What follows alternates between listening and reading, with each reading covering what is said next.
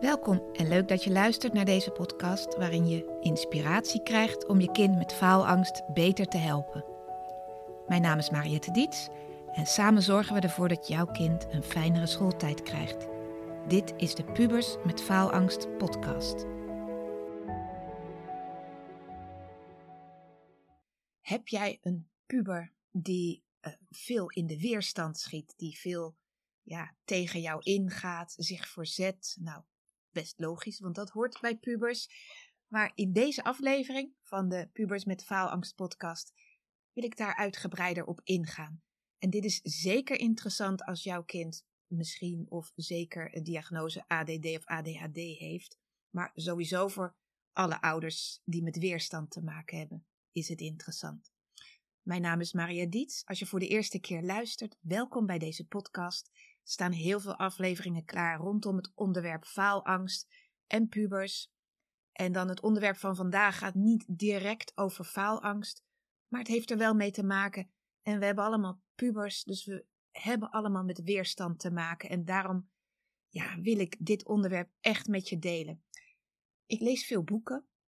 En uh, het laatste boek wat ik las, vond ik zo interessant dat ik meteen stukjes eruit ging delen met ouders die uh, met zo'n onderwerp te maken hadden. En het laatste boek was van Gabor Maté. G-A-B-O-R, Gabor, en dan Maté is M-A-T-E. En dat boek heet Het Verstrooide Brein. Dat is voor uh, ouders van kinderen met ADD, staat erop. Maar ook ADHD herken ik erin. En eigenlijk is het gewoon voor alle ouders interessant om te lezen. Hij legt namelijk heel goed uit in dat boek ja, hoe, uh, hoe dit gedrag ontstaat. Um, dat het vaak iets met hechting of trauma te maken heeft, maar ook dat ouders vaak zelf ook iets herkennen. En dat gebeurt heel vaak in de praktijk, dat een kind een diagnose krijgt en dat een ouder gaat denken: hé, hey, maar dit herken ik zelf ook. En dan gaat het niet eens om een schuldvraag van waar ligt de schuld, maar meer dit zijn dus patronen die al uh, door generaties worden doorgegeven. Um, een van die onderwerpen uit Het Verstrooide Brein, het boek wat ik dus enorm adviseer aan ouders, is, uh, is hoofdstuk 20 en 21. Dat gaat over tegenwil. Hij noemt dat echt tegenwil. En hij heeft die term weer van een ander, van Gordon Neufeld, die ik verder niet ken. En in deze twee hoofdstukken legt hij uit wat die weerstand, want daar gaat het om, wat die tegenwil nou is. En ook wat je als ouders kunt doen om daar het beste mee om te gaan. En die, de tips die hij geeft, ga ik straks ook geven in deze podcast. Dus ik ga ze alvast aan je verklappen. En eerst leg ik uit wat hij nou bedoelt met de term tegenwil. Dus Gabor Maté vertelt het in zijn boek en hij baseert zich weer op Gordon Neufeld. Nou, het eerste wat voor mij al verrassend was, hij zegt een sterke wil. Hè, we hebben het vaak over strong-willed kinderen. In Amerika kennen ze die term, kinderen met een sterke wil. Eigenlijk is dat juist geen teken van een sterke wil, maar de afwezigheid van een sterke eigen wil.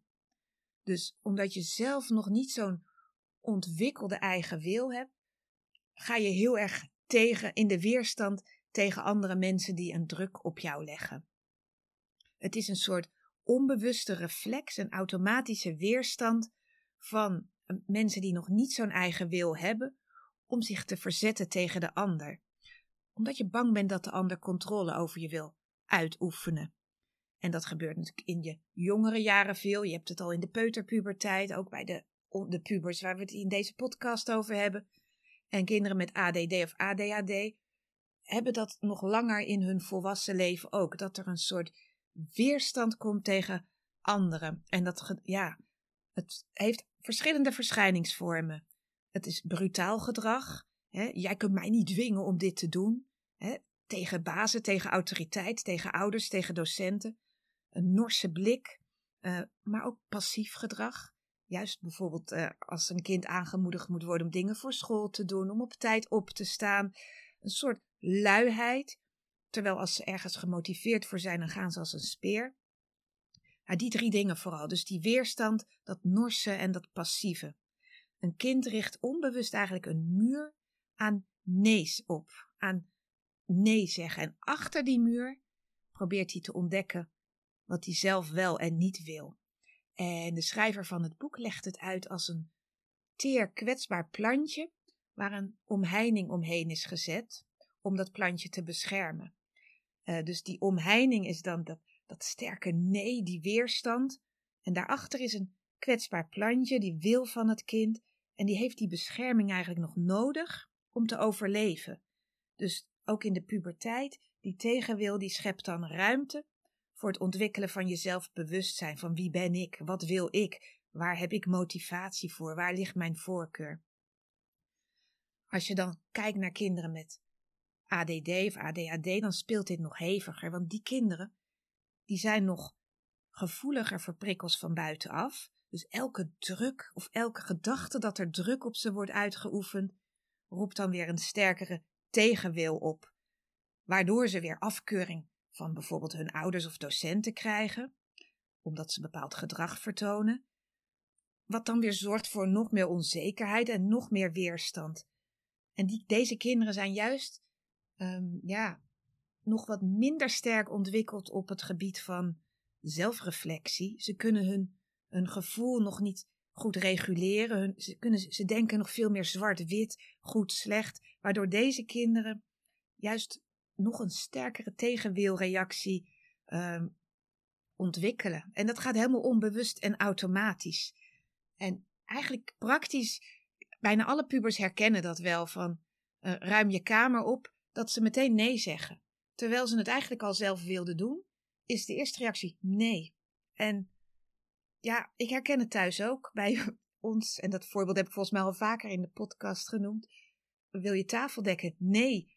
En, en gewoon nee om het nee zeggen lijkt het wel. En dat is natuurlijk interessant, want als ouders gaan we dan heel erg daarop in van, nou, dit is brutaal gedrag, dit wil ik niet. En daardoor komen er juist weer conflicten.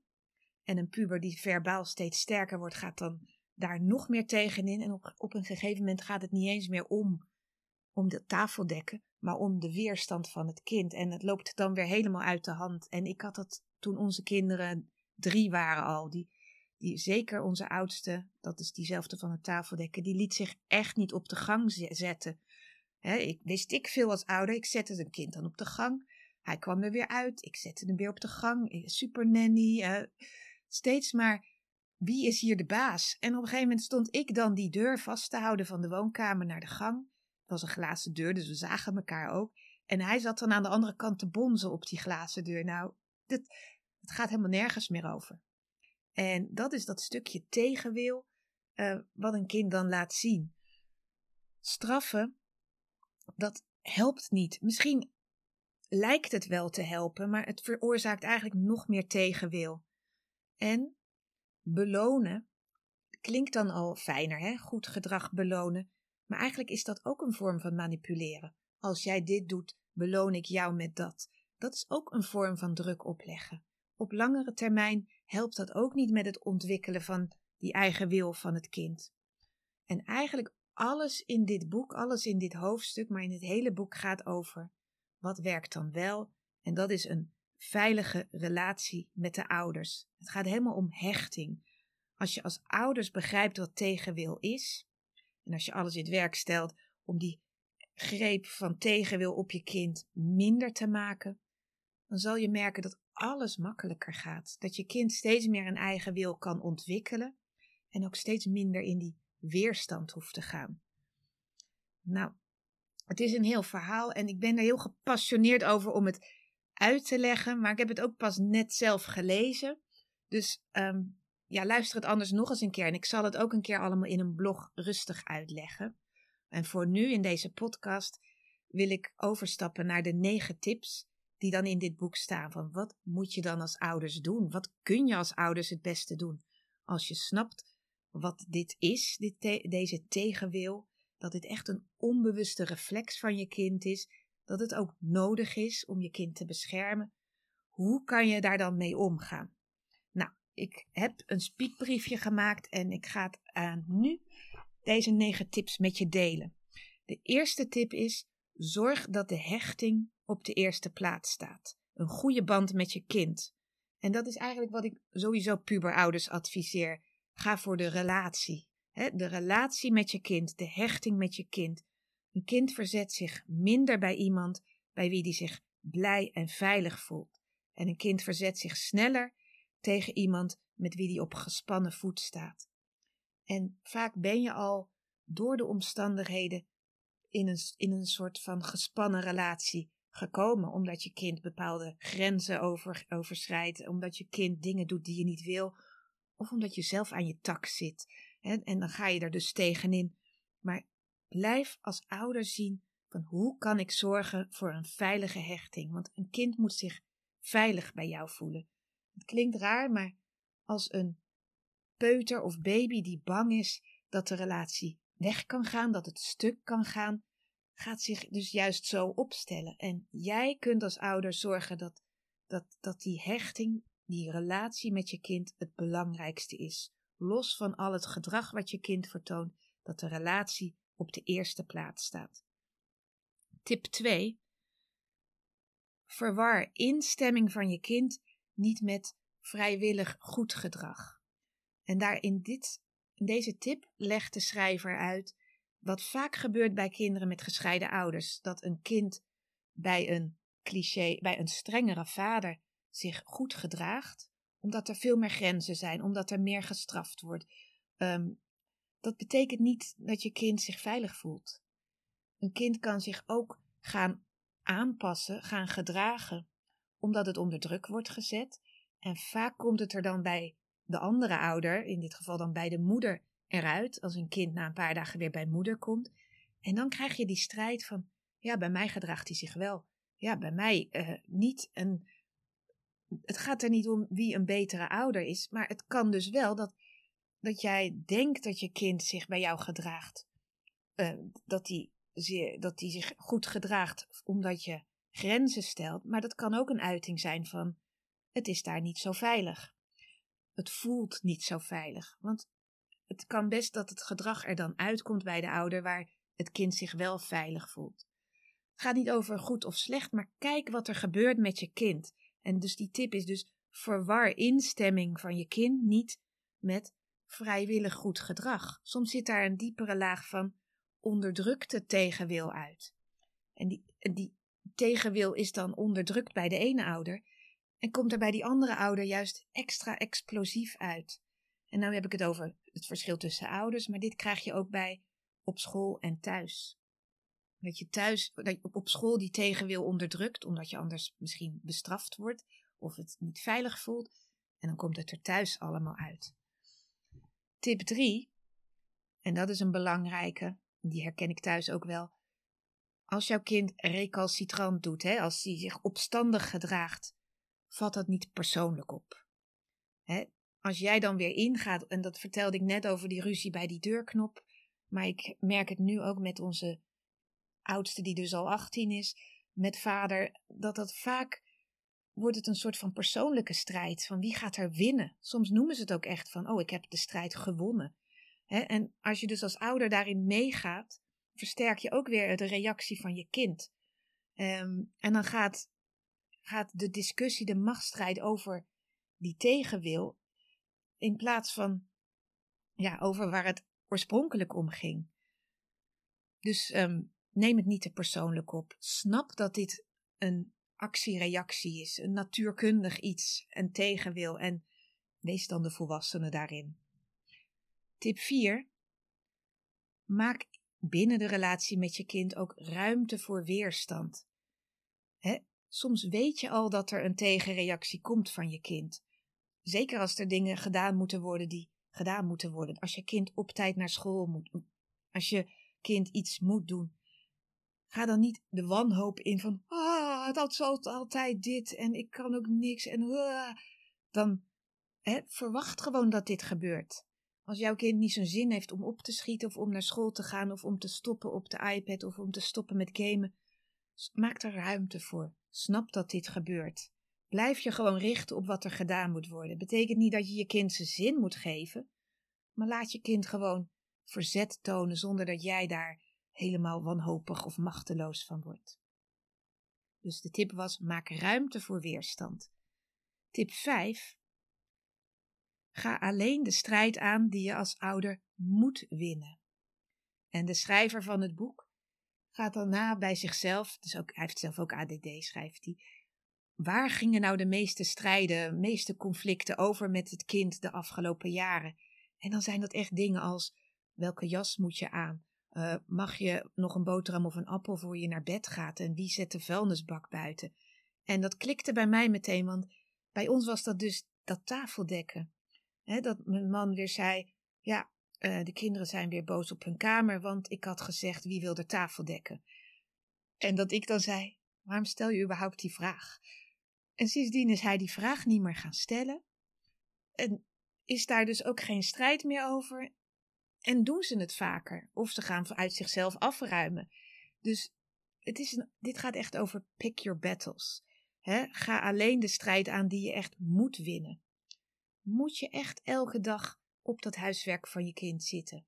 Kan je ook zeggen van nou, ik bemoei me alleen nog maar met SO's en met proefwerken. Of ik bemoei me helemaal nergens meer mee. Of ik, ja, kijk waar, waar er nog ruimte is zodat je meer aan een leuke relatie kan werken met je kind en minder politieagent hoeft te spelen. Tip 6. Moedig je kind aan om te zeggen wat het voelt. Dat is vaak heel lastig voor een kind, hè? Vooral als je gaat analyseren. Eh, waarom ging je daar nou tegenin? Besef dat dat tegenwil, dat die weerstand een soort reflex is. Hè? Dat nee zeggen, dat ergens tegenin gaan. Maar je kan wel kijken, benoemen bijvoorbeeld je had zeker geen zin om gecommandeerd te worden, daarom reageerde je zeker zo boos. Dat snap ik wel. Als je al tegen je kind zegt: Ik snap dat je boos werd. Ik snap dat je geen zin hebt om gecommandeerd te worden of om dit te doen. En ik zou het fijn vinden als je dat volgende keer gewoon zegt, in plaats van dat je die lelijke woorden gebruikt of als je zo, weet ik veel, agressief doet. Dus benoem, help je kind om, om dingen te benoemen. Van, zodat je kind ook leert om het volgende keer op een andere manier te doen. Je hoeft niet urenlang te gaan preken en uitleggen en wat gevoelens allemaal zijn. En je kind hoeft ook niet altijd maar over gevoelens te praten. Dat willen wij moeders altijd, maar dat hoeft een kind helemaal niet. Maar je kan wel je kind helpen. Hoe werkt het nou van binnen? Van, nou, hou je er niet van om gecommandeerd te worden. Dat snap ik. En volgende keer heb ik liever dat je dat op een andere manier aan mij duidelijk maakt, in plaats van met dat brutale gedrag. Dus moedig je kind aan om te zeggen wat het voelt. Tip 7. Besef dat jij ook vanuit je tegenwil reageert. Besef dat, jou, dat jouw kind jou enorm kan claimen. Dat je kind veel eisend kan zijn en dat dat bij jou iets triggert. Dat jij ook automatisch nee zegt. En ik merk dat ook bij ons thuis. Dat ik, dat ik sneller opeens nee zeg Terwijl, waar ging het nou helemaal over? En dan merk ik dat ik ook met zo'n tegenwil bezig ben. Gewoon omdat iemand druk op me legt. Mama, mama, mama, mama. Gisteravond gebeurde dat. Ik zat gewoon een video te kijken, iets te luisteren, een cursus te doen. En mijn kind riep: Mama, mama, mama. Hij is 18. En op een gegeven moment zei ik: Wat? En, en dan had ik ook niet eens zin om met hem te praten, omdat hij zo: Mama, mama, mama. Maar dat, betekent dus dat ik ook getriggerd werd doordat hij zo deed. En hè, als ik dat besef, van oh ja, dit was even mijn weerstand, dan kan ik er ook weer om lachen. En dan denk ik, ja, ik zit gewoon een video te kijken. Die kan ik ook even op pauze zetten. Ik kan ook gewoon even naar hem luisteren. Wees dus bewust van je eigen patronen, van je eigen triggers. En wees daarin de grote ook. Dus snap dat je dit ook doet, maar door daar bewust van te zijn, zul je dat minder krijgen zul je, dat, zul je daar makkelijker mee om kunnen gaan. Tip 8. Leg conflicten bij. Wees de wijste. Laat de sterkste de eerste stap zetten. Ga niet een week later alles nog eens herkauwen, maar wel meteen na een conflict, als de gemoederen iets bedaard zijn. Zeg gewoon als eerste sorry.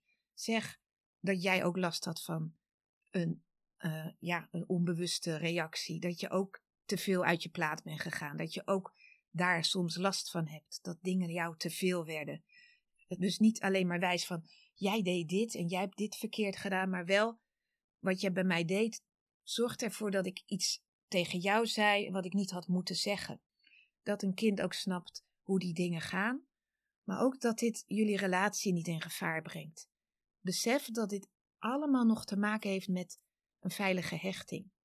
Dus hoe rustiger jij met een kind dit soort conflicten weer bespreekt, hoe meer een kind snapt: oké, al dat gedoe tussen mij en mijn moeder of mij en mijn vader heeft geen invloed op onze relatie. Wij, onze relatie blijft gewoon onze relatie en we kunnen dingen uitpraten.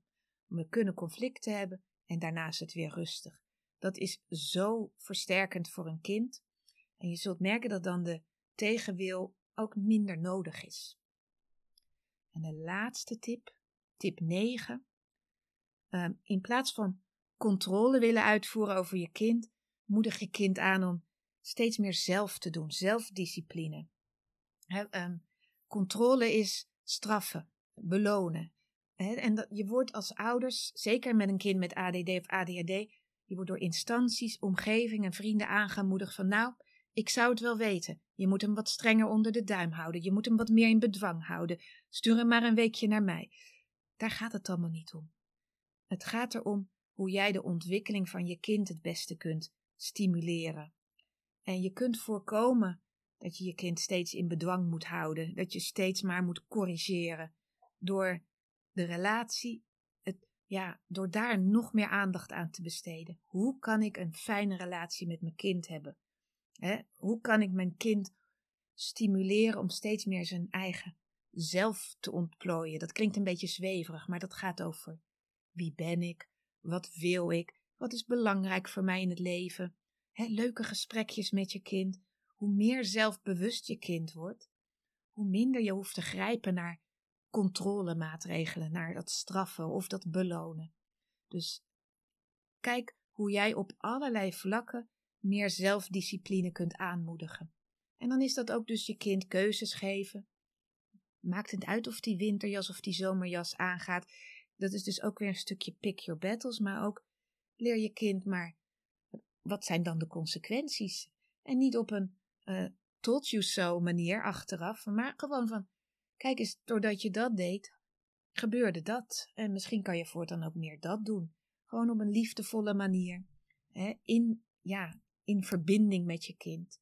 En dan zul je merken dat je kind daar steeds sterker van wordt en steeds minder tegen jou ingaat.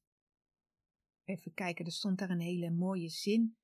Die wilde ik nog lezen.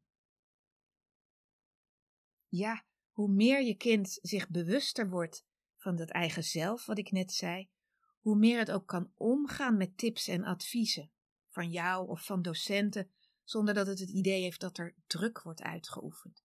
Dus dat het steeds meer kan denken: ja, er zit wel wat in wat mama zegt of wat die docent zegt.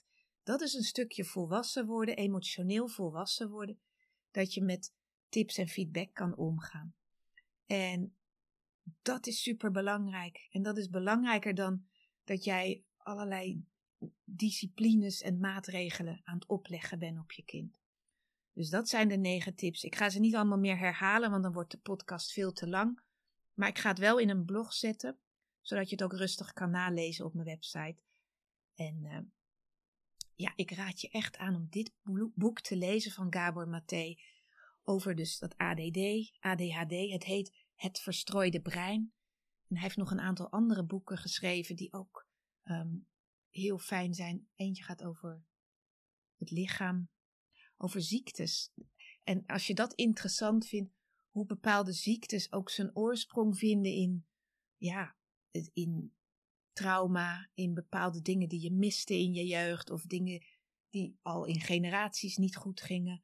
Um, lichaam. Die titel zet ik in de show notes, die ben ik even kwijt. Maar de titel over ADD gaat, die is Het verstrooide brein. Zoek hem op leuk om op je, in de feestdagen op je verlanglijstje te zetten. Ik had hem trouwens zelf gratis gelezen via Kobo Plus. Ik vind dat altijd wel fijn, dat is van Bol. Dan kan je gewoon titels downloaden die je wilt. Maar anders kan je het gewoon kopen. Nou, voor nu, dankjewel voor het luisteren en tot de volgende keer. Bedankt weer voor het luisteren naar de Pubers met Faalangst podcast. Wil je met mij sparren over jullie situatie? Dan kun je altijd een gratis kennismakingsgesprek inplannen via www.dietscoaching.nl. Vind je deze podcast interessant? Abonneer je dan en geef hem een goede review. Dat helpt mij enorm om nog meer ouders te bereiken.